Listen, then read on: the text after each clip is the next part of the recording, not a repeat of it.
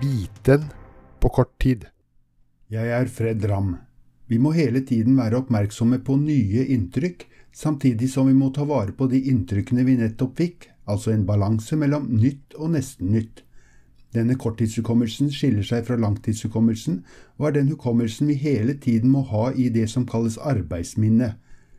Når vi får nye inntrykk, som er helt nødvendige for oss, må vi ha en mekanisme for at disse nye inntrykkene ikke overskriver de inntrykkene vi fikk like i forveien.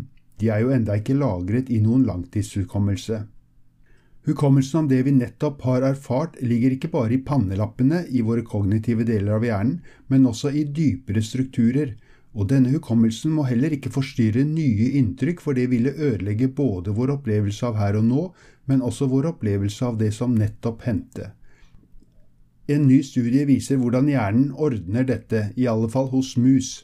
Studien viser at hjernen beskytter hukommelsen mot sammenblanding ved å endre signalene i nervecellene slik at de gamle erfaringene blir liggende på tvers av de nye, slik som når vi roterer et ark med papir og begynner å skrive på kantene for å unngå å overskrive det som allerede er der fra før.